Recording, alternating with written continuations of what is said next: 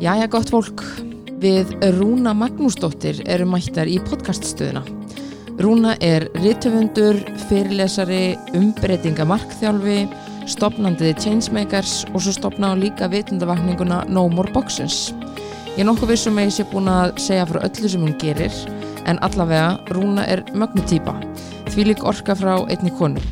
Hún segir mig frá öllum þessum æfintirum sem hún hefur verið hluti af og ég tala nú ekki um örlaðaríku leigubilaferðina í New York. Við tölum um orkustjórnun, hvernig við getum haft áhrif á umhverfið okkar, konur í viðskiptum og svo af hverju og hvernig við setjum fólk alltaf í ákveðin boks, hvort sem það eru statusboks eða kynjaboks. En þessi þáttur er í bóði 50 Skills og Origo. 50 Skills er hugbúnaðalaust sem hjálpar fyrirtækjum að ráða og virka nýtt starfsfólk á vinnustafnum. Með lausninni fær fyrirtækið sér sniðina ráðningasíðu þar sem auðvelt er að búa til störf, byrta þau á öllum helstu starfatorkum og samfélagsmiðlum og auk þess búa til kvata fyrir starfsfólk til þess að deila þeim störfum sem í bóði eru. Þegar að ráðningu kemur er svo hægt að búa til ráðningasamning, senda hann í rafræna undirritun og stopna nýjan starfsmann sem notanda í innri kerfum svo sem launa og tímaskránarfi kerfum. Í hverju mánuði eru hundruði starfsmanna ráðnir með 50 skills á Íslandi og ef þú telur að þessi laust geti henda þér og þínu fyrirtæki þá hvetið þið eindreið til þess að kíkja á 50skills.is og panta fría kenningu. Og svo er það Origo.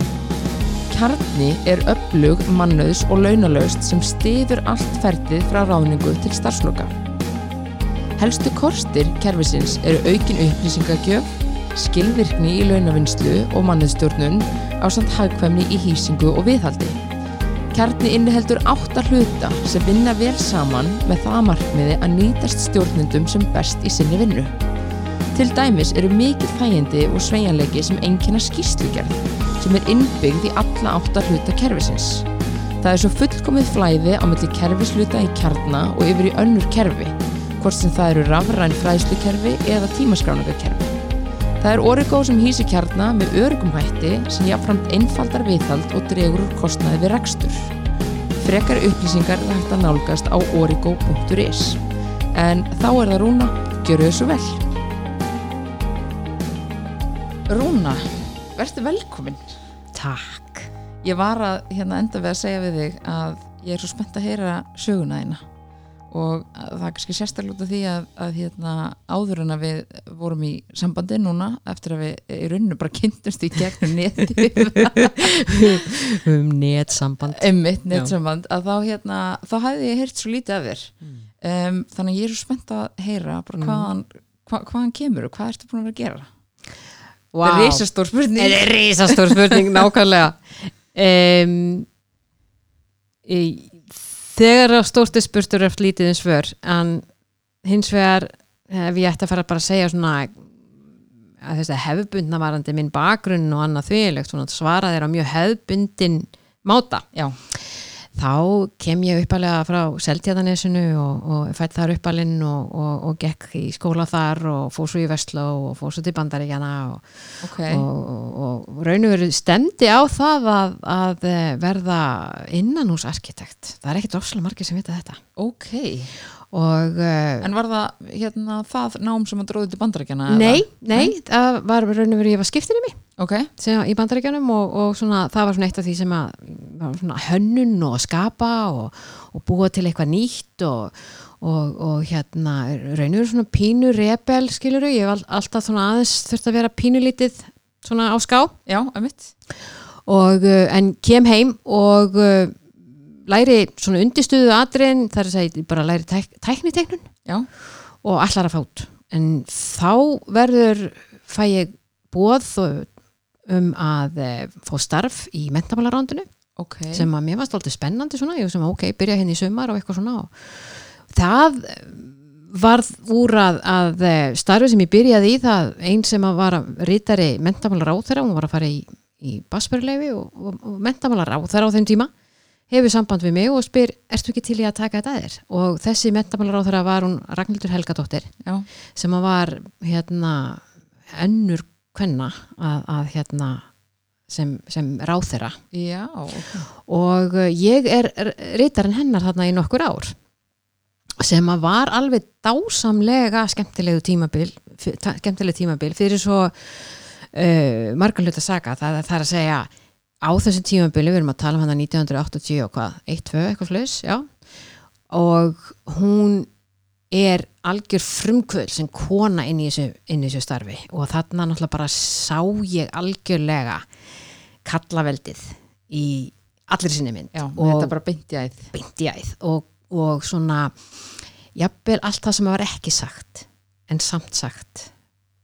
Og mér fannst þetta rosalega áhugavert að, að horfa upp á sko svona, já, að mínum að mér fannst það ekki vera alveg, alveg, alveg svona rétt fyrir, fyrir, uh, fyrir þessa frábæri konu. Nema hvað eitt af mínum starfs svona hlutverkum hjá með Ragnhildi var að tölvu væða ráðunetið og uh, Það hefur verið svolítið stórt það var dálítið skemmtileg, ég, getur ímyndaðir en hér koma svo skemmtilegar tölur. Því að fyrsta tölvan sem kom inn í mentamálaráðundið og það er rauninu verið bara fyrsta tölvan sem kom inn í stjórnaráð Íslands á þessu tímabili það var rítvinnslu tölva sem var það var ein tölva með sesta terbyrgi svona grænum skjá og stórum og miklum prentara og hún var með heilar 20 megabæta disk Mér finnst ég vera pínu gömul þegar ég segi þess að segja Það er svolítið langt síðan. Það er þetta aldrei langsáðin En allavega það er svona svo ég svona uh, skjó, skjóta þessi yfir þetta. Þetta var til þess að þessi vinna mín þarna var til þess að aðilin sem að var með þessa tölfur á Íslandi, hann bauði mig vinnu. Allt í einu er ég komin að fara að kenna fólki á tölfur Já. öllum alþingismönnum á tölfur eh, ég man að stöð tvö var að byrja á þessum tíma og allt, eh, allt klappið þar fór í gegnum mínar hendur um að, að læra hvernig þetta nota þessa tölfur og uh, þetta gaf mér dálítið skemmtileg tenging því að þarna fjekk ég rosalega góða insýn inn í bæði hvernig vinna tölfur uh, hvernig gagnagrunnar vinna og hvernig er hægt að nýta á Já. og það er svona grunnurinn í mörgu því sem að, hérna, hefur svo setna á lífsleginni verið algjörlega frábær fyrir mig Emmitt, emmitt. En á þessum tímabili þá er ég komið með eh, á ég örinn gift og á, á hérna tekjára gamla svon þegar að mamma mín var kemur inn í spilið því að hún hafi stopnað fyrirtæki gekk svona ansi vel hjá henni og uh, vantaði hjálp. Og ég hugsaði með mér, ég var að vinna svo mikið mér fannst ég vera svo mikið og burtu frá sinni mínum. Ég hugsaði með mér, nú bara hætti ég þessu. Fyrir hans að hjálpa með mér svona í hjáverkum en verð fyrir að vera bara góð mamma. Mm.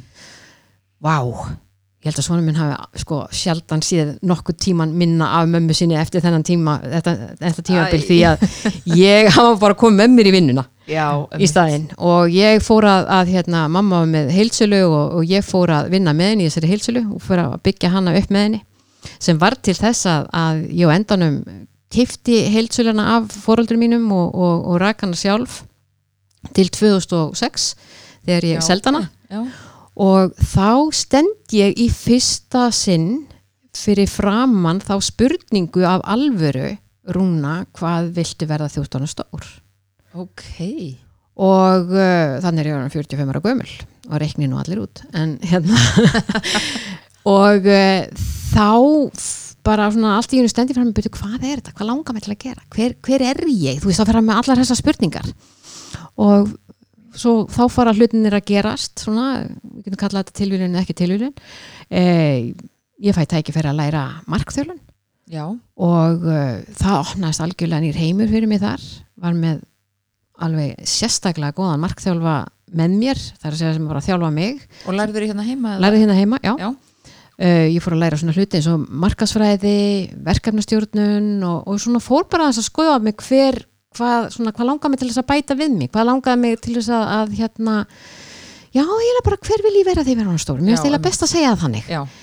og uh, eitt af því sem kemur upp hjá mér í markþjálfuninni þegar að ég er að þjálfa mig að vera markþjálfi þá fær maður hel, heller en markþjálfun sjálfur Mm var gömul hugmynd sem hafi komið upp uh, nokkrum árum áður þá ég sem heilsæli Mm. um, á alþjóðlegri ráðstöfnu Kvenna út í hérna sól í söðu kóru Já. en þar hafði mig eitthvað með fundist þegar ég var búin að fara yfir hálfan hnöttin á þessa ráðstöfnu, þúsund manna ráðstöfnu og það var svona sérstök uh, ákveði svæði sem var með uh, alls konar konur viðsvegurum heimar að selja vöruna sín og var svona með svona kynningabásara hannig Já. og mér fannst eitthvað svo skrítið þótt þetta væri á þessum tíma, ég held að það hefur 2004-2005, ég meina tölvutnar voru alveg konur á fullt og, og netið og fullt þannig laga séð, Já. að það var sem svo skrítið að það var engin með eitt eða neitt svona, svona á, á það máta að ég hefði geta e, farið inn einhverja vefsíðu fundið alla sem voru að gera eitthvað Já, og svona, já, já. mér fannst þess að mér vantaði Eitthvað að geta haldið áfram að, að hafa samband við, við þessar konur. Því mér langaði þetta til þess að á þessum tíma kaupa þeim vöru og, og, og, og nota endurselja þær á Íslandi og það fram til göttunum Mhm. þannig að þessi hugmynd um vá hvað vantar að geta nota á netinu svona tengsla net. Það sem getur verið með svona hálgerðan markaðstorg uh, getur verið að kynna stöðri fólki sem er að selja eitthvað og, og hérna óháði hvað staðsett á, á jarðkringlunni. Mhm. og þessi hugmynd hún fer svona alltaf að vera stærri og stærri í mínum huga. Og þarna dettur inn gamla hvað með gagnagrunnin þekkingin og, og það gamla hvernig vinnur tölvan hvernig, hvernig er, bara er þetta, er þetta, þetta litla tækja okkar og ég fæ sonn minn, nákvæmlega þessi sami og var tveggja ára þannig þegar að mamma sætti í vinnunni sem var á fullu í, í að- tölvuprógrum og öðru slíku á þessum tíma Já. ég spyr hann, ertu til í að hjálpa mér hans með þetta og sama búið til samfélagsvef alþjóðlega samfélagsvef sem að, að e, ég kallaði Connected Women Já. og þetta er svona áður eða svona rétt um það bil sem Facebook er að byrja og þessi samfélagsvegur fjætt viðurkenningu hjá uh, Evrópu samtökum kvenna í uppfinningakvenna og, og, og áðurinni vissi af var komnar konur frá, ég held að það hafi verið eitthvað 78 lönd Vá. skráðar hérna inn, eiginlega bara svona 1, 2, 3 Það er sjúklega mikið. þetta var bara svona bom, bom, bom. Og líka á þessum tíma Algjörlega, eins, nákvæmlega, eins, eins og já. þú segir að neti var ekki alveg, en þegar ég fann það hins vegar líka að þær skráðu sig inn. En svo kom inn hjá þeim þetta er vissi ekki alveg hvað þetta gera. Já, en þær voru forvitnar. Þær voru forvittnar og þær vildu vita og, og sjálf hefði ég bara séð þetta einhvern veginn fyrir mér svona ein, einn möguleikin í þessu sem svona mamma og hún búin að vera með mitt eigi fyrirtæki og, og verið ein með tvö börn og annað þegar þá hugsa með mér já þetta er djöð var gaman að vera með eiga geta farið inn á tölunni hjá sér svona kannski bara náttötunum á kvöldin, krakkarnir komin í rúmið og allt og verið að tjatta við einhverjar skemmtilegar konur viðsvegar um heim sem eru líka Já. í viðskiptum, þetta var svona pínur svona bankhugmyndin mín. Mhm. nema ég fann að þær voru feimnar ég fann að það var hérna þegar ég náði þeim svona one on one þá kom svona inn, já ég er nú bara með svo lítið fyrirtæki og svona allt þetta hérna Já, eitthvað verið svona, eitthvað svona, já, er ég er miðskipti kalla einmitt. og uh, það var uh, það var svona til þess að ég fer svona að hugsa um ok, hvað er hægt að gera. Annað. á þessu tímabili verði líka að segja að það var svo, það var svo skemmtileg hvað þetta opnaði ótrúlega marga dyr fyrir mig allt í einu var ég beðin um að vera á ráðstöfnum viðsvæðurum heim sem sko að því að ég var stopnandi og, og Já, að keira þetta, þetta hennar vel. Já, og uh, ég, ég Ná, fe- það er að eitthvað upp. svona bolti sem að það bara að burt, sem já, sem fer bara að rúlla þetta eru bolti sem fer að rúlla, þetta er bolti sem að og, og svona eitt af öðru. Þannig fer ég bara, teng, tengslanetni mitt náttúrulega bara, það blastast út. Allt inn er ég bara kom með tengsl við ofbúslega skemmtilegar og, og áhugaverða konur út um allan heim. Já, bara tengsli við umheiminn. Já. Já. Og, og ég á sko alveg tonn af sögum sem að hafi verið svona vandræðilega sögur þar sem að hérna þær þekktu mig en ég þekkti ekki þær. Já, ok. Sem að var svona ég, já, ég vil bara ég á eina skemmtilega sögu þar sem ég var á inn á sko salerni hjá hérna, Cheesecake Factory í, í Arizona. Já, og á öllum stöðum að sem að ég bara er að þóa mér hendunar og ég, mér finnst ég heyra rúna. En nú sem byrju, ég er, tók ekki þátt í að það, það geti ekki verið þetta er örugglega eitthvað bara, ég, mis, ég mis, misheyrast eitthvað. En ég heyri aftur einhverja spurningu eða það ekki rúna? Og ég byrja aftur svo ég fyrir að líti kringum mig sé þá fyrir fram að mig stendur stór og mikið stæðilega svört kona horfir á mig alveg ég sem, varst að segja eitthvað við mig? Og heyrðu, þá var þetta ein kona sem að þekkti mig bara af því út af hún á- var á netinu og hafði verið á, á, á þessum samfélagsmiðli. Og bara sér mig þarna og segir hvað ert þú að gera hér í Arizona Rúna? Ég er náttúrulega bara, ha? Einmitt, og bara af hverju veistu hver ég er? Já, alveg, ég var mig? hérna ég var algjörlega, þú fannst eins og ég væri bara eh, já, bara, þú veist, gunn á tungunum eða eitthvað. Einmitt En þetta opnaði rosalega margt en á sama tíma við horfum svo á bara svona í sögulegu samhengi þá uh, verður hérna hrun 2008 og uh, ég á þessum tíma ég er að keira þessa, þessa, þessa síðu, ég er með heilmikið markþjálfan í gangi uh, er strax farin að vera með viðskiptavinni við svörum heim bara í tengslu við þetta. Og á þessum tíma þá uh, tek ég að mig verkefni á, á samt einni vinkonu minni. Uh, það var leiðtöka hérna, félag kvenna, sjálfstæðis kvenna var með leiðtöka þjálfum fyrir konur. Settu það saman, það var svona ópolítíst þótt að þær voru að skipulegja þetta. Mjög flott og vel gert hjá þeim. Og uh, ég man ekki hvaða voru margar þúsundi kvenna sem fór í gegnum þetta, þessa þjálfun hjá þeim og ég tók að mér á samt þessari vinkonu minni bæði að tala um ástriðuna að en- geta endur tengst aftur ástriðinu sinni og svo líka vorum við með he, tókum þeir í gegnum svona smá ræðunámskeið. Nema hvað að á í þessari það var náttúrulega allt saman bara sjálfbúðarlega að vinna. Mhm, ég og Bjarni vinkonu mín við, við sátum í einhverjum held að hafa verið einhverju skóla upp í breiðholti sem fengum ánót og helg eftir helg eftir helg eftir helgi þá hlustuðum við á ræðu eftir ræðu eftir ræðu eftir ræður og fannst þetta vera margt ansi áhugavert og eitt af því sem við tókum eftir þetta var allt saman konur sem að voru að, hana, að stíga svona sín fyrstu skref hefðu flestar aldrei talað fyrir framann nokkurn annan heldur en kannski bara fjölskyldinu sína. Já, en þær voru allar á þessum tíma ekki kannski alveg að segja allar en mjög stór hópur var að pæla í hvernig get ég e, skaffaði eitthvað meira til heimilisins. Þarna höfðu alltaf, þær höfðu mist vinnuna maðurinn þeirra höfðu mist vinnuna og þetta var mikið í huga þeirra. Hvernig get ég búið eitthvað til? Já búið til Eitthvað extra. verðmæti?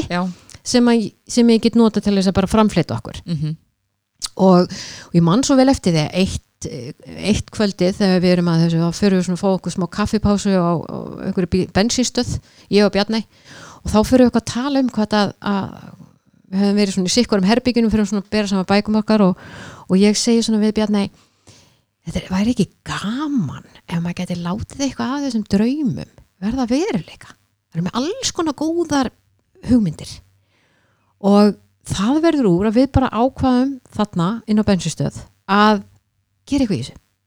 Bjarnei er, hún var raun og verið einn af eigandum Eskimo Models hún var með ljósmyndatökuna hún var með grafíska hönnun og annað þvílíkt hérna, ég frumkvöld búin að búa mig til fyrirtæki og, og gera alla þessa hluti og fengum fleiri með okkur inn, inn, í, inn í hennan hóp. Og við stopnum, búum, byggum til prógram sem við kallum Brandit. Já, og þarna tókum við fyrst hóp af íslenskum konum. Við raun og veru hjálpum þeim á einni viku að taka hugmyndina sína búa til fjárhagsplan, búa til markarsplan uh, við hjálpum þeim að búa til svona smá hugmyndað hvernig vefsíðan þeirra gæti verið uh, og, og fengu, þær fengu ljósmyndir og annað þauðilegt og heilmikið pepp til þess að, að fara út í þetta. Já, og uh, okkur fannst það alveg æðislega skemmtilegt að gera þetta. Nema hvað ég er eitthvað að segja uh, þessum erlendum vinkonum mínum við svörum heim frá þessu. Og þá kemur hjá þeim býtu, okkur er þetta ekki fyrir okkur og við förum aftur og segja já ok, var það alls sniðut já, við minna við erum, við erum búin að vera í rekstri en við þurfum alltaf reglulega að taka svona púlsin og er þetta, hvað kveikir eldmóðinu í mér já, emitt þú veist, ma- maður byrjar með æðislu með eldmáð og svo bara allt í hennu var þetta ekki alveg eins gaman eða það fer út í eitthvað eins og bara lífi gerist. Svo við sem heyrðu, ok, þetta getur nú kannski verið alltaf sniðugt. Og aðrum vitum af þá erum bara komið með alþjóðlega hérna, hópa komum Til Íslands. Og, uh, og, uh, og líka gerðum þetta líka út í heimi. Og þarna vorum við bara á, yfir eina helgi. Við vorum með, ég tók af mér að vera með vinnustofu yfir, yfir heilan dag. Og Mary Snack sem er nú fallin frá, hún var þarna líka með okkur í þessu, hún var, hún var sérfræðingur í PR málum og, og, tók allan þann pakka. Ég tók allt varandi eldmáðin og, og framtíðasýnina og, og, og, og hvernig við svona sameigilega hvernig það er að geta tjáð sig. Mhm. svo vorum við með ljósmyndatöku við vorum með vídeotöku upptökur þannig að þær tóku þannig að vít svona smá pitch á því hver þar eru og, og, og hvað það var að bjóða upp á. Einmitt. þannig að þær ættu vídeo sem getur kynnt sig á, á bara hérna innan með, ég held að það hefði verið 60, mínút, 60 sekundna hérna svona pitch voru með. Og ég sé ennþá dag í dag þessar myndir í notkun Í alveg? ég sé ennþá dag í dag ekki bara hér heima heldur sé þær sem að tóku þátt út í, út í heimi. Þetta er ennþá dag í dag. Það er auðvitað alveg magna. það er magnað að sjá hvað þetta hefur ofbóðslega mikil áhrif. Þetta hefði svo mikil áhrif á sjálfsmyndina. Þetta hefði svo mikil áhrif á bara skýrleikin á því hvert er ég að fara. Hvers vegna er ég þessu, Einmitt. ekki síst. Já, já. já, sem við gleymum stundum. Mm og svona og að, að þær hérna þær fundi svo fyrir aftur svona það sem eins og Simon Sinek segir sko hérna your why veist, hver er tilgangurinn minn í þessu Mhm. því að þegar með hann vel tengdan og hann svona kveikir í gildónu þínum og eldmóðunum og öllu þessu þá Já. einhvern veginn verður allt annað svo miklu miklu einfaldara Já. og uh, við erum að tala um ég fer að hugsa út í því, ég held að síðasta branditt námskeið sem voru með hafi verið 2013 held ég hafi verið Já, ok. og þetta er ennþá nótun En og haf, hættu þið þá bara eftir það? Við fórum að gera svona nokkur auka verkefni hinga og þangað Já. en, en hérna svona settum þetta dálítið á, á, á, svona á hliðina það hins og verði þess allt í einu, þá er ég orðan personal branding sérfræðingur Já, einmitt. Eðlilega eftir öll þessi námskeið og þetta. nákvæmlega og allt í einu er ég farin að byrja um að mæta á ráðstöfnur út í heimi og tala þar á sviði um nákvæmlega þetta Já, nákvæmlega. Og uh, þannig að, þetta, þetta svona þegar maður horfið tilbaka og, og, og horfir á vörðunar að, að hérna þá má eiginlega kannski bara segja svona það sem að, að ég sé þegar ég horfið tilbaka og í öllu þessu verkefni sem ég tekið að mér að það er svona tvent sem að er alltaf grunnurinn að öllu hjá mér. Það er annars vegar frelsi það er að segja að ég hafi frelsi og allt það sem ég er að gera get ég gefið öðrum frelsi. Og virði er hitt. Það er að segja, með skipta alveg ofbáslega miklu máli að hver og einn einstaklingur finni sitt virði og finnist hann vera verðugur eða verðug. Mm og þegar þú hefur þetta tvent í manninum og getur opna fyrir þessa tvo hluti meðal okkar það er eitthvað sérstakt. Það er, svona, það er bara lítið töfrabröð sem gerast hjá ótrúlegasta fólki.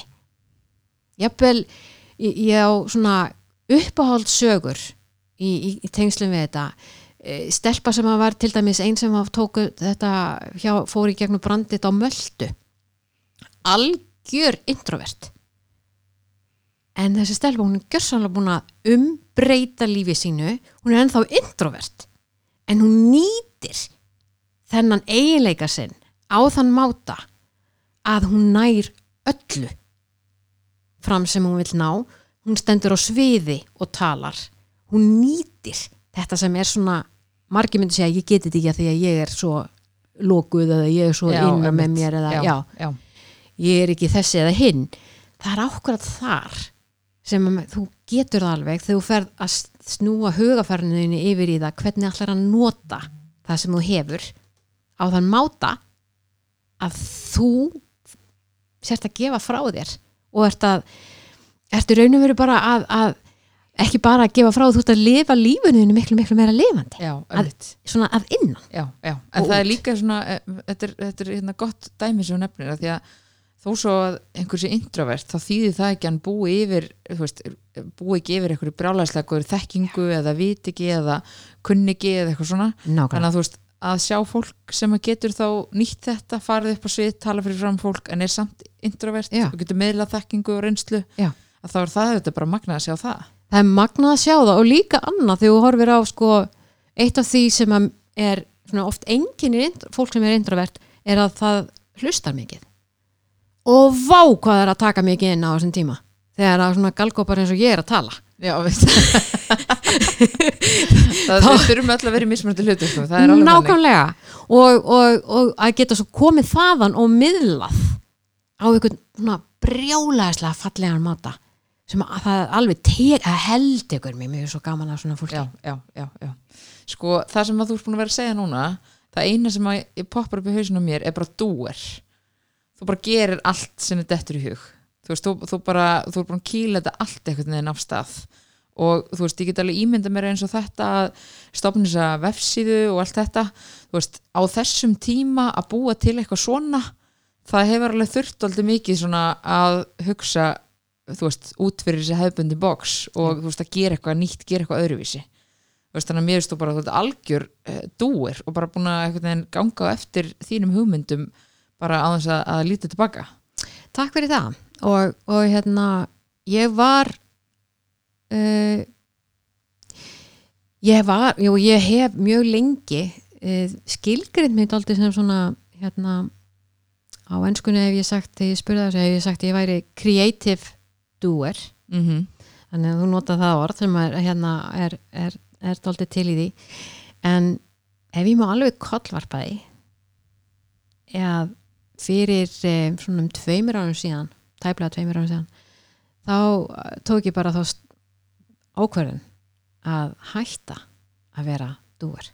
Já, og, og hver eru raukinu bak við það? og ákvað að verða creative being.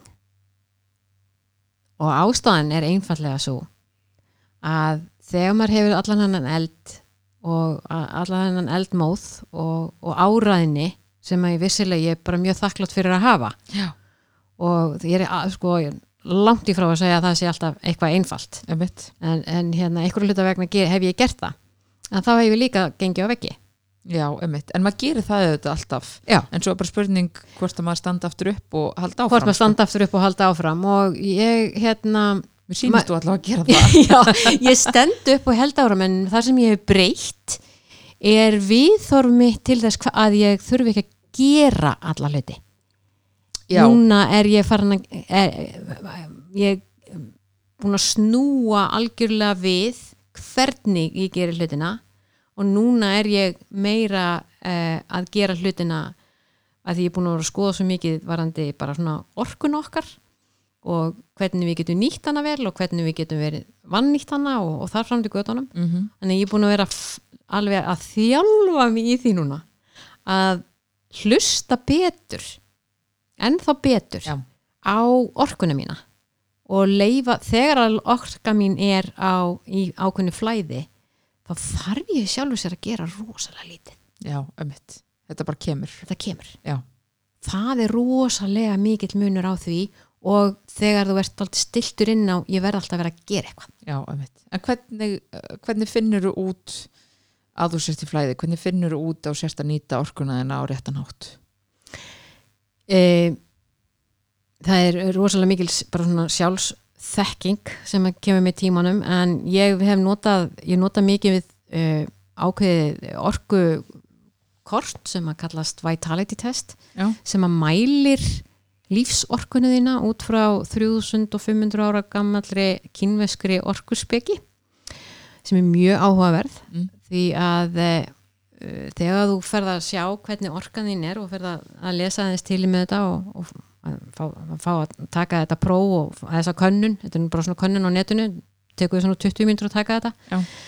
Um, þá líka færð að sjá bæði hvernig þú ert í flæðinu og þú fyrir líka kannast aldrei við ákveðnar undirliggjandi spurningar sem að þú á þess að þú áttir á þig, svona undir meðutundin þín er að spurja þig sem er alltaf að færa þig á sama, sama Já, máta. Já. og þá fer það aðeins að fara að taka eftir. Það er nú ekki alltaf. Já, skilur, Já, þá, já. þá kemur það upp. Já, já. það er alveg ekki þannig. Jú, jú, ég, bara, ég er búin að gera þetta alltaf svona og þetta gerist alltaf í kjölfarið. Hvernig ætla ég, hvað ætla ég að gera núna öðruvísi þannig já, að að ég fái aðra niðurstöð Já, emitt, emitt En hvernig er þú veist að því að núna er náttúrulega bara aðstæður fólks eru mismunandi, ég með fólk er með eitt barn er með fórst fjögur börn og svo er, bara er fólk ekki með neinn börn og það er kannski ekki með maka og bara alls konar. Þú veist, hvernig getur maður svona tekið orkuna og nýtt nýttana þú veist, í vinnunni sem best, þú veist, svo kemur heim og þá er maður oft eins og sprungin bladra mm. en þá veist, tekur fjölskyldan við og svona. Þannig, hvernig getur maður nýtt orkuna á þennan hátt? Sko þegar þú, ef ég gefði svona aðeins innsýnin eitt varðandi vitality testið Já. og, og svona hvernig, þegar það kannski getur gefið aldrei ákveðna svona innsýn inn í og þú kannski getur speglað þig aðeins inn í því þegar ég er að segja þetta mm og þá um leið hlustendur. Uh, þetta gengur út á fimm orkur og hver og ein orka hefur eins og ég segi svona undirlíkjandi spurningu uh, við erum með öll með einhverja blöndu af þessum fimm orkum mismunandi mikið. Og, og það sem við erum með mikla orku er það, það var svona mjög afgerandi hlutur af okkar karakter og af hvernig við vinnum og hvernig, hvernig við sjáum heiminn. -hmm. það má eiginlega kannski bara segja hver orka sé svona ákveðin gluggi. Já, og þú ert rosalega sterk í, í þessari orku þá sérðu voðalega vel út um þessum glugga. Mm en þennan glugga. En svo orka sem þú sérðu voðalega ert með lítið af. Það er svona móðuharðindin eru vantarlega á þeim glugga og þar alveg ert þú ekki að taka eftir því sem að er að gerast. Já, það er fyrir utan. Já, já, um, ef við tökum bara svona rosa snögt yfir þetta er þetta er einu langt mál en fyrsta orkan í þessu kallast vatn eða water. Og undirlíkjandi spurningin þar er er ég örug, er þetta örugt já, ef að það er undirlíkjandi það sem hún með og þú getur stoppað alveg í því ef þú ert alltaf að pæla í byrju er er þetta, þá getur stoppað. Mm en þú getur líka verið að nýta þig í hlutina sem er svona aðeins alltaf að tekka og vera svona alveg á svona mörkunum. Það er líka eiginleiki. Hefur alveg með sama hlutin að gera. E, viðurinn sem er næsta orka. E, þar er spurningin er ég frjáls? Eða er verið að setja mig í fjötra þar sérðu líka, þetta eru líka nákvæmlega út frá því er, er, er núna svona svakalega mikið í, mig, í mér að ég finn að ég, það er verið að setja mig í einhverja fjötra og ég þóli það ekki. Já, skilur já, og þú ferð að berjast á móti. Stór og mikil stó, getur verið stór og mikil hérna, hlutur hjá þér. Eldurinn. Það er þriði orkan. Þar er raunveru hjá eldinum er það spurningin er ég elskuð? Já, einmitt ekkert flokknar en það. Er ekkert flóknaði það, er ég elskuð. Og þarna getur maður að segja mikið af fólki sem stendur á sviði. Þetta er undirlíkjandi spurningin þeirra og það er jafnvel út að fá alveg þú veist, þúsundum manna sem er alveg brjála og klappar og gera allt og æ, æði. Þeim finnst það dásanlegt að meðan á því stendur. En svo kemur tómarómið á innan og Já. eftir, svo er það bara búið. Svo er það búið Já. já. E, fjórða orkan er, er jörðin. Og það er spurningin eh, skil ég þig? Skilur þú mig og þar kemur einmitt þessi brjálæslega góði kennarar til dæmis. Skilur þetta öruglega sem þú ert með? Já, Þú veist, er það bara skilningur þá Já. umhverfinu og öllu, já, bara allt, alveg Já. sama hvað er. Bara, er ég er að sína þér hérna hvernig þetta er þú nærður alveg hvernig þú nota þess að taka hérna það ekki? og svo gerur svona og fyrir aftur og aftur yfir þetta til þess að vera alveg viss. Meðan að þú ert kannski ekki minn ein- einustu jörð, skiptir þið engum máli þú vilt bara klára þetta, búin og skilur ekki á hverju ég held áfram alltaf að segja þér að gera þetta aftur og aftur já.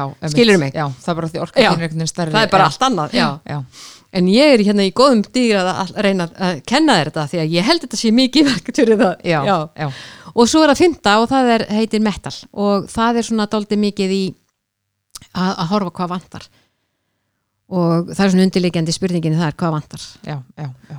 Og þegar þú ferð aðeins að skoða það sem þú hefur í ert með, ert með eitthvað í og annað sem þú ert með minna í en ferð að hitta aðra eins og til dæmis í vinnunni Mm ef við tökum sem dæmi og hittir einhvern aðalega í vinnunni sem að, að er til dæmis alltaf að skýra eitthvað út fyrir þér.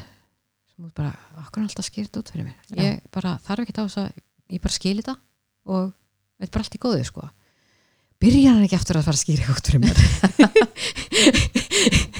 En, en þá er það nákvæmlega þessi hlutur. Eða, eða sá sem að er með mikinn eld og er eiginlega alltaf að byggja um hrósið. Já, segir aldrei, einmitt, alltaf að byggja um hrósið. Já. og svo er annar sem er bara ekki neitt eld og bara, heyrðu, þú, maður rósar ekki nema það sé bara eh, við komandi eigi eitthvað inni. Já, nákvæmlega. Og þarna kemur bara þessi með, með eldin alveg bara ég fæ aldrei hrós, ég veit ekki hvað ég er ekki rann já. Og hinn er, Vantar. hvað er að? Já, ég er búin að segja þetta var ágætlega gert hjá hann ég sagði bara ágætlega, að því mér fannst það bara ágætlega. Og svo framöndu göttunum þannig að þegar þú fyrir að vera aðeins meira ná svona þekkjað alltaf inn á þig mm þá hefur mér fundist til dæmis hefur, þetta hefur vitality testið eh, heldur betur bjarga mér. Ég, og bara hlægilega máta. Vist, ég, með, hérna, ég veit ekki hvað þú fatta það núna að, hvaða orkur er hjá mér en ég er með mikið að bæði eldi Já, ég var búin að Já, ég já, ég var búin að sjá það. Ég er með, með eld og við og, og, og metal. Já, og það er hérna þegar ég átta mig á því að e, ég, það er svona eitthvað óavitandi og undir meðutundin er að gera eitthvað sem ég svo hér, það er bara alveg róli í eldinu núna sko. já ég get alveg stoppað mig af í dag. Já, já, já, já, já.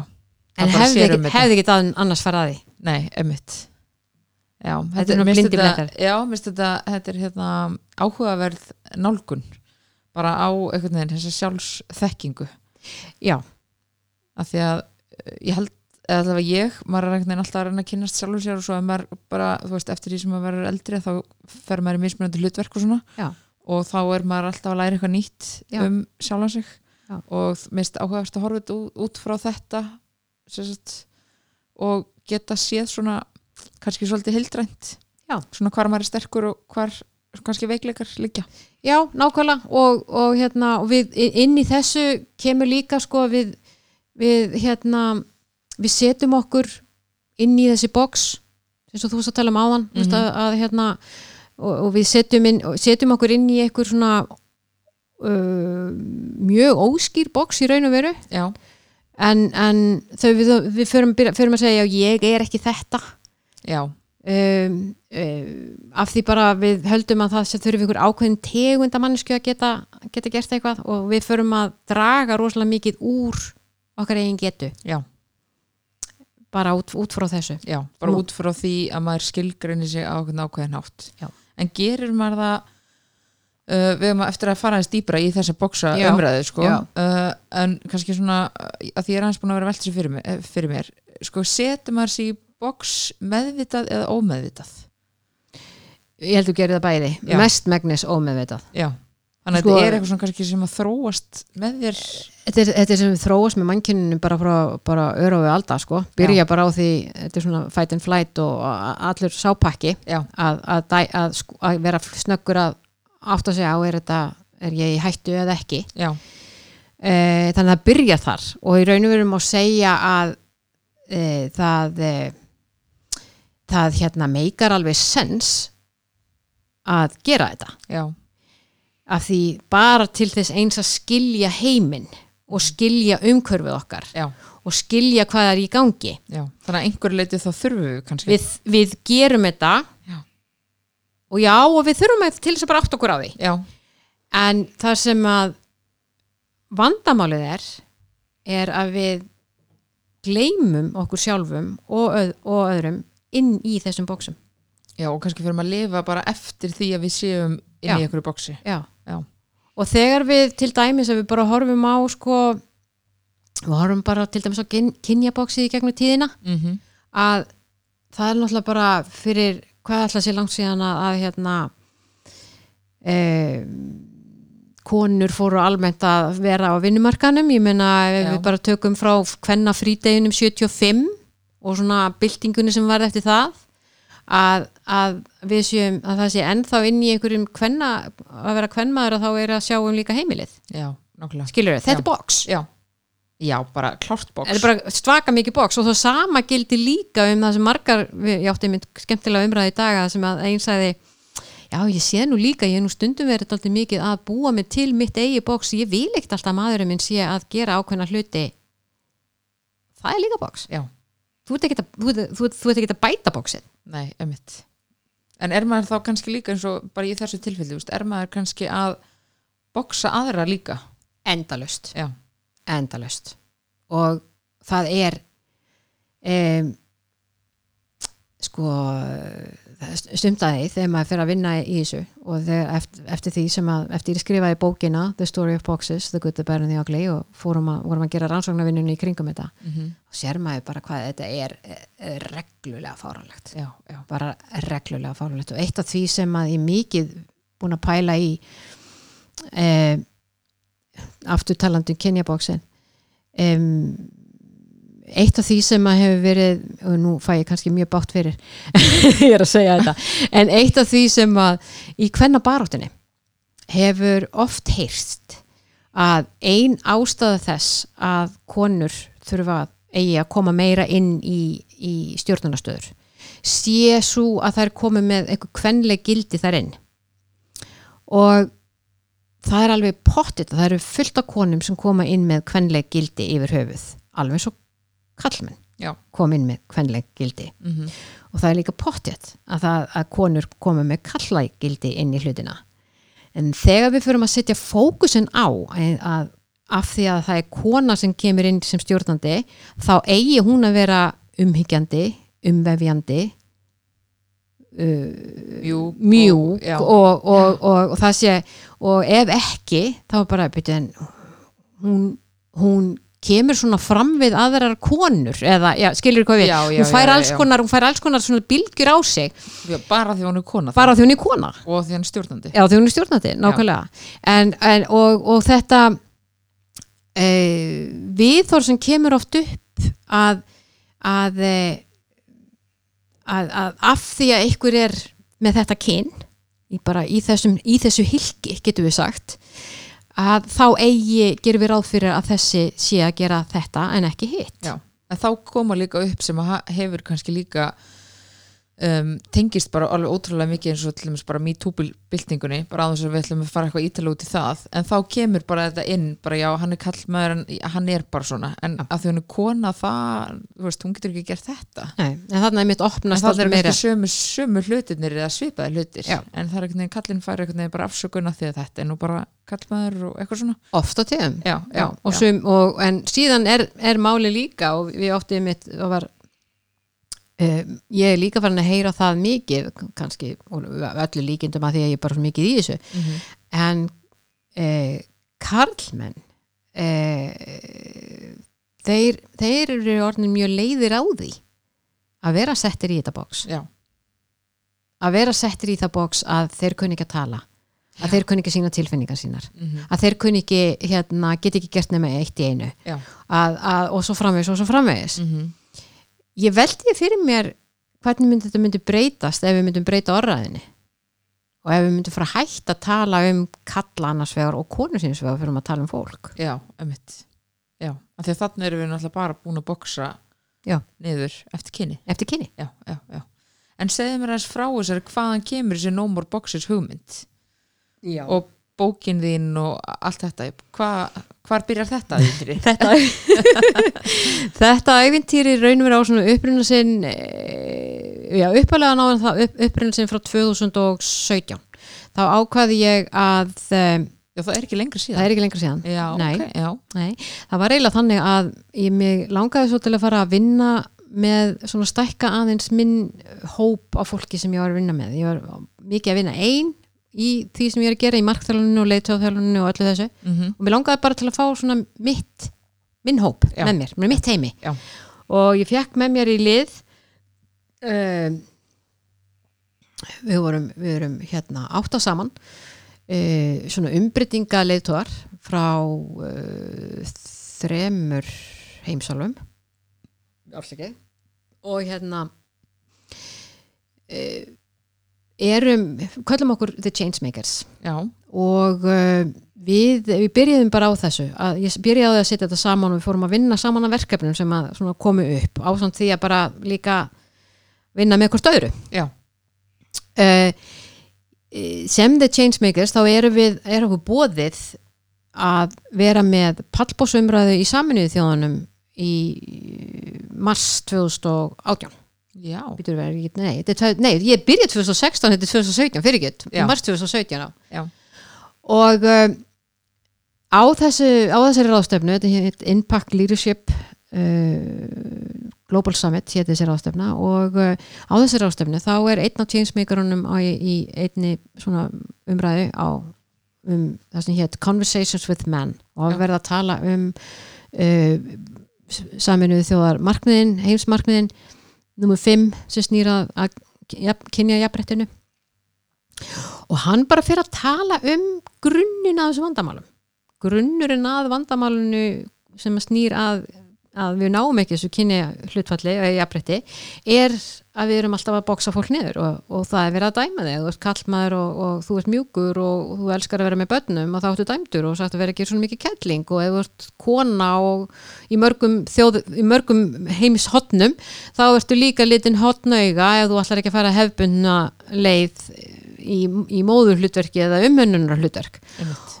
og hvorugt virkar og í hversin sem við gerum þetta að dæma fólk eftir, eftir kynjum í þessu tilfelli þá erum við að búa til þið og við og á milli verður eitthvað bil sem að ofta tíðum verður bil uh, það sem að reyfildi og, og, og annað fer fram af því að það er alltaf verið að tala út frá einhverju sem er ekki einu sinni það er ekki einu sinni til já, mitt, já. Að það að- þrýfst ykkur e, e, það þrýfst eitthvað þannig inn í Já. á einhverju sem er ekki það, sem að, á, á, á ekki einu sinni það er ekki einu sinni sko, það er engin kallmaður eh, með, alla, með allt þetta ási sem að er kallað að vera kall, kallkins uh, gildi og það er engin kvenmaður sem er með allt þetta ási sem að Nei, og þar fyrir utan er þessu gildi líka mjög fjölbreytt. Já, já, þar fyrir utan, já, þannig að þetta er ekki til nei. en við erum að samt að þessu. Mm og þegar ég hlusta á að Nick á, í samnið þjóðanum að sem er að tala um þetta þá bara svona fekk ég mitt Matrix moment bara, ég bara hugsaði með mig, vá ég er búin að vera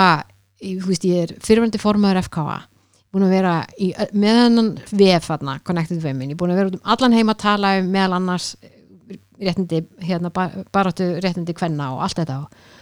Og ég bara svona, hyrðu, þetta er fáránlegt.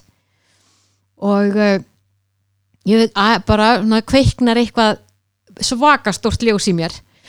Og uh, þegar að, að þessu, þessi ráðstöfnilega líkur þá verða nú bara málinn þannig að áður en við vitum að er ég og Nick komin í leigubíl út á leiðin út á JFK þegar komin áttu að vera að brjála veður og allir að segja okkur að fara frá New York að þegar myndi vantilega vera að innleiksa og við sitjum hann í þessum leigubíl sem áttu að taka 40 mínútur út á flugvöll en tók 2,5 tíma út af verinu og við höldum umræðinu áfram um bóksin um hvað þau væru ein, sífelt að sína okkur hvað skilur okkur að Já. Ekki að gefa okkur fókus á hvað raun og veru dregur okkur saman. Hvernig getum við unni betur saman? Það er alltaf verið að gefa okkur hina myndina. Já, það er alltaf verið að aðskilja Alltaf verið að aðskilja okkur, já. já, þegar að það er svo miklu miklu meira og við vitum það að allir sem er að vinna í einhverju mannarsmálum við vitum hversu mikið við erum lík þegar við fáum að vera við í grunninn og við fáum að tengjast svona almen, almennilega og við höldum þessar umræði áfram og við verðum, við, við erum bara svona þetta, já, við erum gaman að sjá þegar það er að taka mynda af þessum leigubíl þessum tíma. það er bara virkulega, við erum alveg orkan hann alveg á miljón út úr þessum leigubíl. Nema hvað að þegar við segjum bless og við JFK, hann er að fara til Breitlands og ég er að fara heim til Íslands þá erum við komið með plan. Við ætlum að stopna, setja fram og raunum við að búa til alþjóðlega vitundavakningu, við ætlum að skrifa bók. Við ætlum að búa til prógram. Við ætlum Jésús. Ok, þetta er svo uh, þetta er svo magna, en það er, þú það er örgulega bara svona típur svo þú sem lendi ykkur svona. Það er í alvörinni og þú getur, og við ekki sagt þið það unnur í fluginu og leiðinni heim frá hérna þú frá, örgulega komið fjárasa það var bara, já, ég var bara download það er bara allt komið og ég áttu erfitt með að halda að mér að vera ekki að sína allt. Eldurinn bara á miljón hann var bara á fullu. Já. og hérna síðan gera slutir og það var það sem að, að hérna, var það svo margt sem er svo skemmtilegt ef maður fyrir að hugsa um þetta eftir á en eitt af því sem var svo óvinnilegt á okkar mati Já. var að við Nick förum bara að vinna í þessum hlutum eins og, eins og við förum að vinna, við höfum unni mikið saman á alls konar verkefnum og við förum að vinna þessa hluti og ég fyrir svona að skoða hvað er þetta að gera hvernig get ég, ég hugsanlega ég bel uh, svona tengt pínulítið ef við getum verið að horfa á kynjabóksinn til að byrja með, hvernig get ég tengt Íslandin í þetta Einmitt. sem verkefni? Langar svona, þar sem ég er íslensk og þar sem ég er að leiða þetta, langaði mig til að setja að að geta sett einhvern smá íslenskan blæja mm talandi um bóks, já. Og uh, þannig að ég hef samband við, við hérna, hana Kristínu Átna sem er sendið hér á jafnriðsmála já, og hún fyrir að hérna, hjálpa mér strax við það að set, hjálpa mér að fá aðgang með því að við getum notað sendir á Íslands í London til þess að setja upp okkar fyrsta fund. Já. Sem að hún gerir. Frábært. og uh, við fáum við unnum, fáum þetta, þetta hérna raun og veru já, bara raun og bara frábært að fá svona hjálp. Já. og íslenski sendiherran, hann er hérna með okkur á þessum fundi, við draugum hann til inn á þennan fund uh, allskins uh, áhrifavalda í bresku samfélagi þegar það snýra kynja málum þar Já. allt frá prófessorum í, í hérna, London School of Economics yfir í, yfir í aðalega sem eru raunverð að sérhafa sig í konum í, í stjórnmálum og það frá hann göðunum og eigum okkar fyrsta það sem við kallum No More Boxes Breakfast Club Já, ok. þegar við löpum út úr íslenska sendiræðinu hana í London þá áttaði okkur á því það var nákvæmlega upp á dag sex mánuðir frá því við vorum í leigubílum Nei. upp á dag og ég man við fengum gert. bara svona það var svona röss af, af bara gæsáhuð sem kom hjá okkur báðum bara við erum búin að þessu það var sex mánuð að tölum við ætlum að gera þetta Vel gert. og nýju mánuðum eftir e, að við vorum í leigubílum kom bókin út á Kindle Vá. og við gáum hann svo út 11 mánuðum á, á hérna eftir. 11 mánuð, þetta er svona, þetta er svona punkturinn. Fyrir Svo og, fyrir, fyrir og eftir leigubíla leigubílaferð já. en já, en gáum hann út og vorum útgöðu teiti í London í. Er hérna, er bara eftir nálgast bókina rafrænt eða? Nei, þú getur, það er þetta að kaupa hana bæði rafrænt á, á Amazon og líka í, í hérna, svona, hvað kallast það svona hardcover, já. Já, ok. Hérna heima líka í bókabúðum bara eða? Nei, bara, Á, bara á Amazon Bara Amazon, Já. ok, ok, flott. En þetta er, þetta er hefi ævindri á stundum tíma. Já, þetta er ekki skemmtileg Jú, en ég menna það, þetta er líka geggju saga að hérna byrja þú veist, að fæðingin hafi bara verið þarna í einhverjum leigubíl Já, og svo kýliði bara á þetta svo kýlum við bara á þetta Já, og síðan kemur svo nefnilega málið sem að mér finnst, ég er alltaf búin að læra svo mikið á lífsleginni hvað þetta varðar. Þegar við, þegar kveiknar eitthvað í okkur unnur, þegar kveikir í eitthvað, eitthvað sem að við bara getum ekki látið í, Já það í friði. kemur eitthvað svona það kemur eitthvað, já, Já. Og, kem, og við getum ekki látið þetta í friði. Já, við verðum að gera eitthvað við þetta. Og við gerum það sem við okkur dettur í hug að við getum gert til þess að láta verða að veruleika.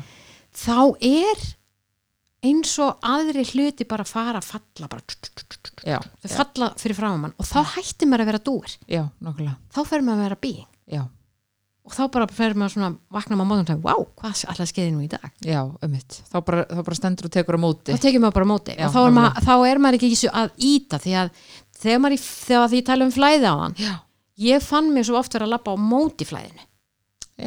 Ég fann mig svo oft vera að labba ef þú ummyndað er ána Mhm. að vera að labba á móti strömmnum já, það er bara ógislega erfitt. Já Það er náttúrulega mjög orkufrækt líka. Það er rosókt og maður, bú, maður klára sér aldrei á því. Já, já, já, og finnst þér aldrei vera aldrei einn í því. En þegar þú ferðin í flæði þá ertu með öllum hinnum drópanum já, nokkulega, nokkulega En hvað hafið þið lært á, á svona þessari vegferð, þessari No More Boxes vegferð?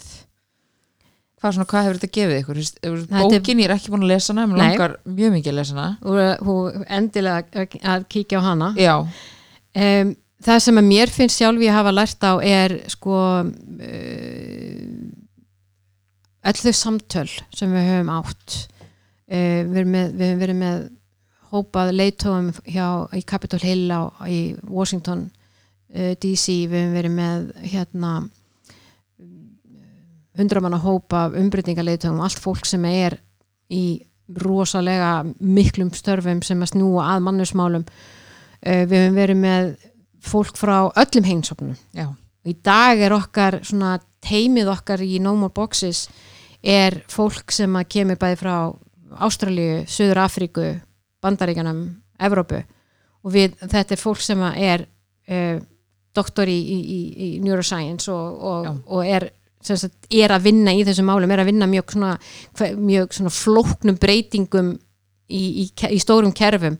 Og það segir bara þetta er verkefni sem ég vil eiga hlutild að. Af því að þetta er verkefni sem er sett þannig á þann máta að það er bara að búa til opnun. Það er ekki að búa til að dæma. Mhm, það er búið til þess að opna það er búið raun og veru þegar við erum að hitta fólk saman í hóp starfsmannahópur sem að til dæmis segjum bara við ætlum að taka fyrir segjum bara vinnubóksið að, að, að þá þarf það fyrst við bara, hei við þurfum að spotta þess hver, hver er bóksið já, hvað er bóksið sem eru með inn, inn, í, inn í þessu fyrirtæki? Mm hver eru þau, þau eru mörg. Já. og opnu þau. Uh, skoðum þau, uh, tökum, út, tökum upp úr þeim.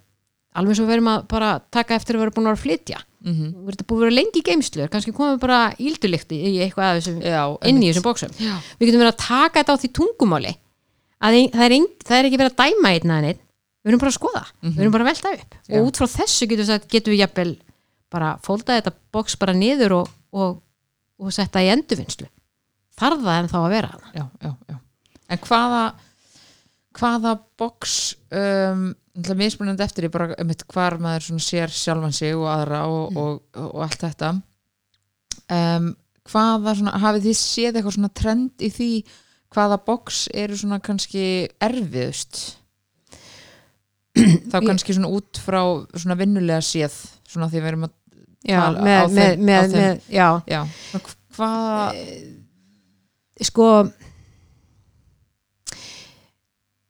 það sem að er kannski dýfst er þegar, og, að ná samtalinu þegar þú ferð að tala um eitthvað sem að, að jáfnvel kannski, kannski nýjasti starfsmæðurinn spottað er búin að spotta.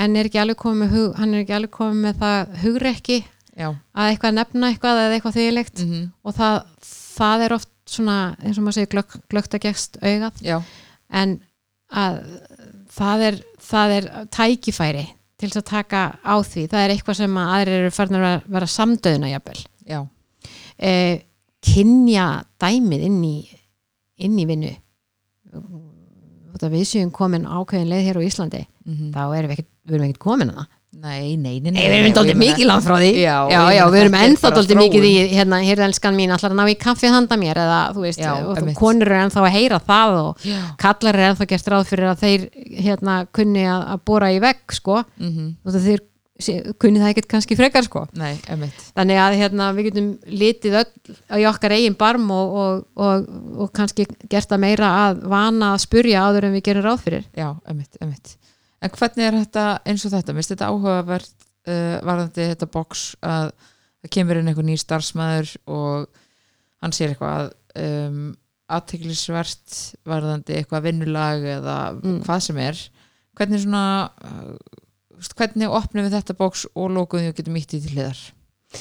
Eh, með samræð já, með samræð, alveg, alveg bara klárlega. Mhm. og þegar að bæði hefur við séð að bara þessi litli það sem við kallum breakfast club mm sem er svona 90 til 120 mínútna vinnustofa, við getum Já. kallað það já, eh, sem að við hérna bara svona er ákveðin svona uppháfa endir og, og hefur ákveðin svona ferla í sér. Mm bara inn á því skapa svo mikil öðruvísu umræða. Já, þegar þú ferð að pæla í og ferð að fær tækifæri eins og margir hafa sagt sem hafa tekið þáttu þess að ég er bara, mér er svo ótrúlega því að fá tækifæri til að tala um viðhorfin mín. Já, án þess að það sé verið að dæma þau heldur bara, ég fæ bara að setja nú út. Mm og viðhorf okkar þau koma ekkert bara eitthvað frá uppeldinu sem við fengum í æsku. Nei, þau koma langt aftur í aldir. Mm og, og af því að það er þetta er svona eitt af því sem að sjaldnast er talað um þá er heldur ekki verið að spyrja um þetta. Nei, og við, við til þess að eitthvað geti breyst þá þarf rými til þess að það geti breyst í því rými. Já, emitt, og bara opna umræðina og, og, þannig að með því að opna umræðuna þá erum við bara raunum verið að henda út já, til þess að geta sett inn það sem við viljum hafa inn í þessu bóksi já, já, já. Hver eru svona ómeðvitustu bóksin sem maður setur sig eða aðra í? Svona út frá því bara sem þú hefur kannski spjallað með fólk. Það eru, það eru mjög misjamt já, það eru mjög misjamt, það er bara að fara eftir hvað er raun og veru, hvað skiptið mestu máli sko. En svona þessi sem að koma kannski meðvitað kynjabóksið er rosalega stert já, það er svakalega stert kynjabóksið og svo koma svona hlutir eins og hérna aldusbóksið, eitthvað til dæmis að ræða um það? Já, ha, það er sem er, til dæmis um aldusbóksið þegar, og sem blandast með kynjabóksinu. Mm þegar að það, hérna, það er allt í lagi að, að, að gamall maður sem er ungri konu en það er ekki í lagi að, sé, að, að það sé gömul kona með yngri manni en nákvæmlega. Hvað er það? þetta er bara mjög gott dæmi um box. Þetta er bara þannig að koma þessi tvö saman. Já. Þetta er alveg, já, ég er bara hérna, viðkynna það fúslega. Reyndar, þú veist, já, mér finnst uh, bara þá er hitt skrítið. Er það ekki? Jú. nákvæmlega, og þá er það bara eitt að sjá já, mér finnst það en svo af skrítið. hverju er það en skrítið? nákvæmlega, okkur er það skrítið? Já en það eru örgulega alls konar svona box sem maður veit ekkit endilega Nei. af sem manni finnst skrítið en af hverju en þú ert búin að dæma, þú ert búin að dæma bæði unga mannin já, hvað er það, hvað er það að gera með svona gammal konu? Já, eða, eða hérna, eiginlega miklu meira held ég oftast já, heldur en að hérna dæma ungu konuna með, með eldri manni. Já, ömmitt En svona um, vinnuboks um, Þú veist, eins og þetta um, Forstjórar, framkvæmstjórar og svo þessir almennu starfsmenn Þú veist, hvernig eru hvernig koma þessi boks um, Já, svona hvernig náðu saman ég var að ræða um Eh, statusbóksin Já, ömmitt, statusboks Mjög gott orð, orð. statusbóksin, já, Já. nákvæmlega þú kemur ekki fram með mig að því að ég er þetta Já, ömmitt, Já. já. og, Og maður segir ekki eitthvað já, því að þú segir ekki þetta af því að, já, Já, og allt þetta sem kemur þarna inn. Mhm, sem að, jú, jú, vissilega við, það, er einhver, er, er ástæði fyrir því en Mhm. ákvaða það er svo líka á sama tíma að stoppa hlutina. mhm. En er það þá bara þessi umræða sem að skiptir mestu máli? Að því ég meina hvernig um, bara tökum bara sem dæmi, það er bara einhver almennu starfsmæður og svo er það forstjórin þú veist, frekar vítt bil hann að milli. Mm -hmm. uh, bara hvað var það störfin og verkefni og allt svona. En veist, ná þeir bara ekki tengingu af því að Jú. statusbóksin eru svo Jú. ólík. þau geta alveg náð tengingu og ég hef alveg séð að ná tengingu. Já, ég hef alveg átt jafnvel hérna, ég átt yfirmann sem að ymmit var, hafði, var þeim bara gáangættur já, að hérna, þetta skipta hann engumáli og síndi þetta aldrei. Já. Og Já, og þegar maður hefur líka hitt svoleiðis Já. stjórnundur að maður, bara, maður, myndi, að maður myndi aldrei dætt í huga að þetta væri einhver. Nei, akkurat og, og, bara, og þetta þeirra en þarna er líka hlutur sem hægt er að, að þjálfa. Já, og, og þar hefur maður alveg séð í bara þessari þjálfun sem leitóða þjálfi og í markþjálfunin og því. Það er alveg að þjálfa og það er að efla fólk í tilfinningagrindinni sinni sem að er þarna mm. -hmm. verið að ræða. Mm og og, uh, og þannig að þeir hafi þeir ofta tíðum er sko ofta tíðum er, er þetta bóks, statusbóksi sem að ef þú ferð aldrei mikið inn í þetta statusbóks sjálfur og segir, Mhm. nú er ég bara að hugsa með ef ég myndi bara líta þannig á mig að þú tala bara við mig svona á þennan máta þegar ég er þetta en ekki Mhm. hitt Já. þá er það ofta tíðum að það er einhver vörn hjá sjálfur mér já, ömmitt sem er gerir það verkum, Óryggi eða eitthvað það getur oft verið, eða eitthvað sem bara er hana, eða bara á ekki að gera þannig er það ekki alltaf þannig þegar maður er yfirmaður og það eigi að tala þannig? Vist, þetta þarf ekki að vera einu svona meira það. Já ömmitt Já, að þú haldir bara að E- þetta sé þetta það, já, að að þú haldir já, nú er ég orðin yfirmaður og þá, á að, þá þarf ég að ha- haga mér eitthvað með öðruvísi þá þarf ég að koma, með, koma öðruvísi fram við fólk. Mm Já, ömmitt En þannig er maður bara ómeðvitað eða meðvitað Já. búin að setja sig í bóks þú búin að setja í bóks Já, ömmitt og það er, það sem að mér finnst svo skemmtilegt með, við, með bóksin líka er að um, þegar við áttum okkur á því þegar fólk voru að tala um uh, það fór að segja svona, heyrðu, já ég get notað uh, þetta tungumál. Þegar ég átta mig á að ég hafi sett eitthvað í bóks mm -hmm. í staðan fyrir að fara í flækju og sjá að ég hafi gert eitthvað vittlisu þá get ég einfallega sagt fyrir ekki og ég held ég hafi sett þig í bóks Já, ömmitt eða þegar þú finnur að einhverju hafi sett þig í bóks mm -hmm. að þú getur sagt, heyrðu fyrir ekki, fast ekki núna setja mig í bóks Já, ömmitt og þá er ekki þetta blein og, og, og þá er ekki heldur uh, þessi særendi hún Mhm. sagði nú þetta við mig og, hérna, og, og sjálfstali sem fer í gang og, og þú veist, allt stoppast í kollinum Mhm. og Mhm. hættur hlusta því að skilur ekki alveg okkur á við komandi settið í þetta já, já, já. og ekkert verður úr, úr verki að þau ert ennþá alveg bara Fastur í fa alveg fastur í því að, að þarna hafi við eitthvað verið ekki rétt. Já, ömmitt, ömmitt en með þessi litlu setningu er þetta að breyta öllu. Já, já.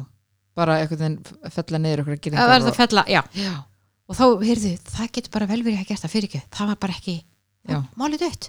Bara ekki allir en er búmál. Já, já, einmitt en hvaða box eru svona fleiri um, svona kannski á vinnustanum þú veist, við erum með kynjaboxin, það er þessi statusbox þú veist, er ykkur fleiri box sem að já, já, svo komu, kom, koma e, núna þegar að ég held að sé að verða um 15% e, íbúa á Íslandi Mm.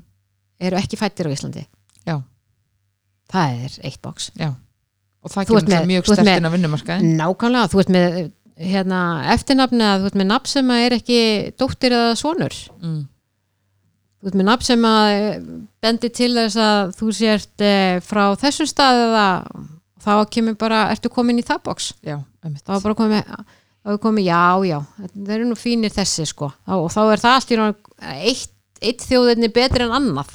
Já, og bara, þá, já, þá er þetta strax orðið að einhverjum hóp. Já, þá er strax orðað hóp og það er strax verið að dæma þig mm -hmm. út frá þá raunur þínu upprunalegu þjóðverðni og eða þá ef við talum litarhátt. Já, einmitt. En og hvað fleiri box? Jésús, við getum Byrjaðu. af því að ég er svona að reyna að sjá fyrir mig bara bara þetta held ég að sé svona í dag já, stóru hérna, svo kemur svona, þetta, þetta, svona hefur við alltaf gert að bóksið já, mjög áhrifaríkt bóks á mörgum vinnustöðum. Já, því svo er einmitt líka þá til box svona verkefnalega Já, tengt. jú, alveg, já. Og hérna, það, það, er, það er mjög, mjög gaman og mjörgar, við mitt segjum nokkra sögur af því í, í bókinni.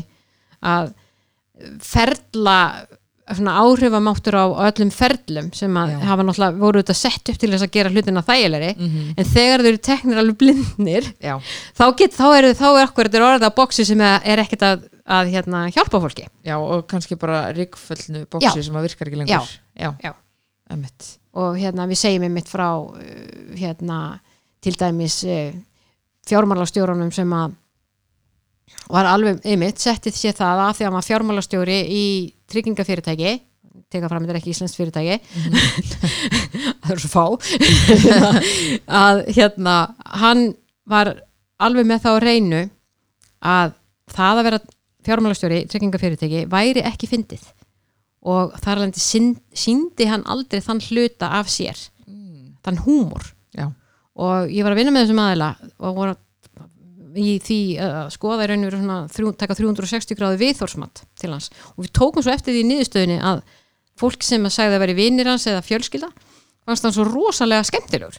En við bara sáum þetta bara hvergi í öllu í, í, í raun og veru svona, svona Bara vinnulegu- vinnulegu umhverfi. Já, svo við fórum aðeins, við fórum aðeins að pæla í þessu og segja, segðu mér að hvað, hvað er að gerast hérna? Og þá sagði hann, heyrðu, ég bara átt að með því. Ég bara ákveðið einhvern veginn á einhverju tímabúndi í lifinu það væri ekki rétt það væri ekki, það væri ekki ég er ekki virtur ef ég færi að vera með einhvern húmor. Já það er bara ekki fyndið Það að væri ekki- vera nei. fjármálastjóri. Það er, það er ekkert fyndið að vera fjármálastjóri. Já, og í tryggingafyrirtæki, hvað segir fólk? Og þannig er komin bara í já, og stór hluti af hans lífi var að halda sér aftur að sér og var bara orðið venja bara, ó, vinnan. Já, þegar að í raun og veru þetta var svona, hans karakter var miklu léttari. Já. Hann bara algjörlega með tvískiptan karakter. tvískiptan karakter. Og þegar að þetta, þegar hann fór átt að sjá þessu eins og með öll enni bóksin þá geta við stundu verið allir fáraleg og hann bara við ákvæðum að prófa. Mm settum bara smá áhællin í gang hvernig, hvernig má þetta breytast og, veist hvað er í lægi og allt þetta. Einmitt. Svo eftir sex mánu og tóku aftur könnuna og komið inn. Og hverjum, hverjum leið best betur í vinnunni honum sjálfum. Nákvæmlega. Og hann komin út úr ykkur boksi sem að, hann var búin að setja sig sjálfur yfir nei, fjármálastjórar eru alvarlegt fólk sem að segja ekki brandra, ekki eins og En kaffstöð þarna gerir maður þetta bara ómeðvita Já. og kannski líka því að, að því að þetta hlýtur líka einhvern veginn að tengjast að því að það er búið, hann setur sig þarna í eitthvað statusbox Já. og statusboxið einhvern veginn út frá því að þá setur hann sig í eitthvað svona karakterbox Já. líka sem að, veist, vindur Já. svo upp á sig. Og vindur svo upp á sig og svo, Já. maður, svo, og svo heldur það áfram og þú ert alltaf búa til eitthvað utan á þig. Já, já, já, já, ömmit hvernig verður að vera þú sjálf? Hvernig væri það? Já. erum þe- því bóksi verður bara því bóksi, nákvæmlega. Og það er það sem flestum svona, fle, það er það sem að náttúrulega sem markþjálfer það er eitt af það skemmtilegsta sem að gera er að, er að hleypa því að. Já, ömmit því þar kemur, þar kemur bara að, að, þessi töfrabragð. Já, já, já, og, og hérna og velíðan, já bara almenn sko beinföld Já, en talandi að þessum hérna markþjálfuna þína, Mm. þú ert með hérna núna í byrjun janúar, Já. þá varstu með kick-off. Já. 2020, kikk og 2020, já. hvorki meirinni minna? Þetta er svona eitt af þessu sem að er, hefur svona bara verið að vaksa hjá mér í gegnum tíðina. Já, byrjaði með nokkrum hérna, byrjaði, ég tók oft uh, FKA-konur í, í svona, í byrjun ás og svo er þetta bara búið að vinda upp á sig. Já, og núna er ég með heilan dag lögadaginn 4. janúar mm og þetta er bara opin vinnustofa Já, alveg frá 9 til 4 Já. og þarna er ég að fara í raun og veru bæði að gefa fólki tækifæri á því að skoða sig mm mm. að skoða hver, hvaða, hvaða mér ætla ég bara segja bless við hérna á þessum áratug Já. bara svona, ég, það var bara orðin fínt. Ég nenni Mhm. ekki að hafa, hafa þennan hluta mér mikið meira inni.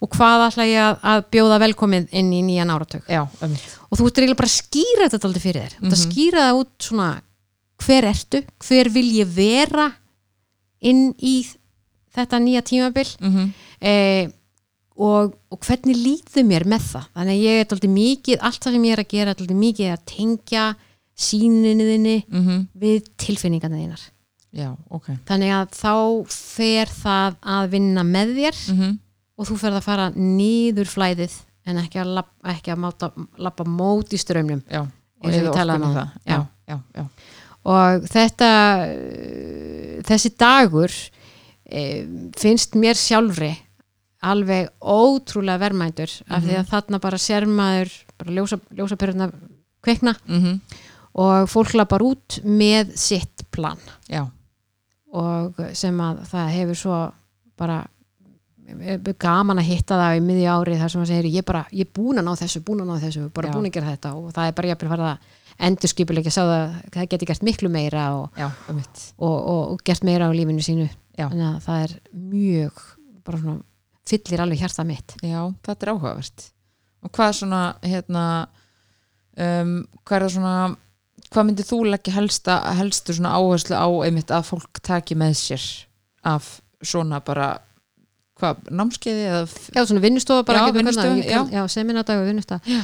e, Það er náttúrulega fyrst og fremst að, að, vera að koma með skýrari sín Já. og ég heyri það, það er það sem fólk segir þegar Mhm. það kemur og það segir, ég vissi svona kannski nokkurn veginn, segir það oft eða var svona með ímislegt í kollinum Já. en núna, margir segja núna bara sé ég hvernig þetta allt legg saman. Já, smellir saman. Smellu saman, núna sé ég alveg hvernig ég get gert þetta. Þannig að sko svona sjálfströst til þess að gera þetta, þetta alveg, ég næ þessu þetta er ekkit mál, ég er ekkit að fara eitthvað Mhm. einhverja brjálæðilega leiðir. Og, og það er líka annað, það er svona átta sig á þjótt af í svona vinnu þá maður hérna, hefur maður tækifæri til þess að heyra líka hvað er að gerast hjá fólki í kring og þá. Þú verður uppfyllt af, já, var nýjar hugmyndir jáfnvel já, ömmit en ég nota alltaf eh, og ekkert alltaf, ég nota mikið e, eins og ég sagði tilfinningarnar Já. og, og svona að hjálpa fólki að tengjast þeim ennþá frekar og vera bara meðvitaðir um hvar, hvernig þær er að vinna og raun og veru hvernig heimurinn aldrei lítur út á hverjum degi Já. út frá því hvaða tilfinningu ertu með inn í þennan Já, dag. já, já, Dagurðin verður aldrei þannig Já, nákvæmlega, já, og, og þetta, þegar um leiðut meðvitaðir þetta er bara hvernig tilfinningi mín er í dag hvað get ég þá gert til þess að breytinni ef ég vil breytinni já, og, og uh, þannig að þetta er svona tólinn sem að gefa þér miklu að gefa þér aðgang að bara, ég segi mér í lífsfyllingu. Já, skýrar sín og markmið. Já. já já, um, og frekar upplýsingar um þetta er bara á Rúna Magnús. Rúnamagnus.com Já, ömmit mjög áhugavert, ég held að þetta séu alveg þrælgóð lokaorð hérna hjá okkur. Um, bara fárlega gaman að spjalla við takk sem er leik algjör, algjör dúer. Og hérna kemur alveg svona með krafti og minnst það bara ræðislegt. Og það var bara virkilega gaman að tala við takk fyrir að koma. Takk fyrir mig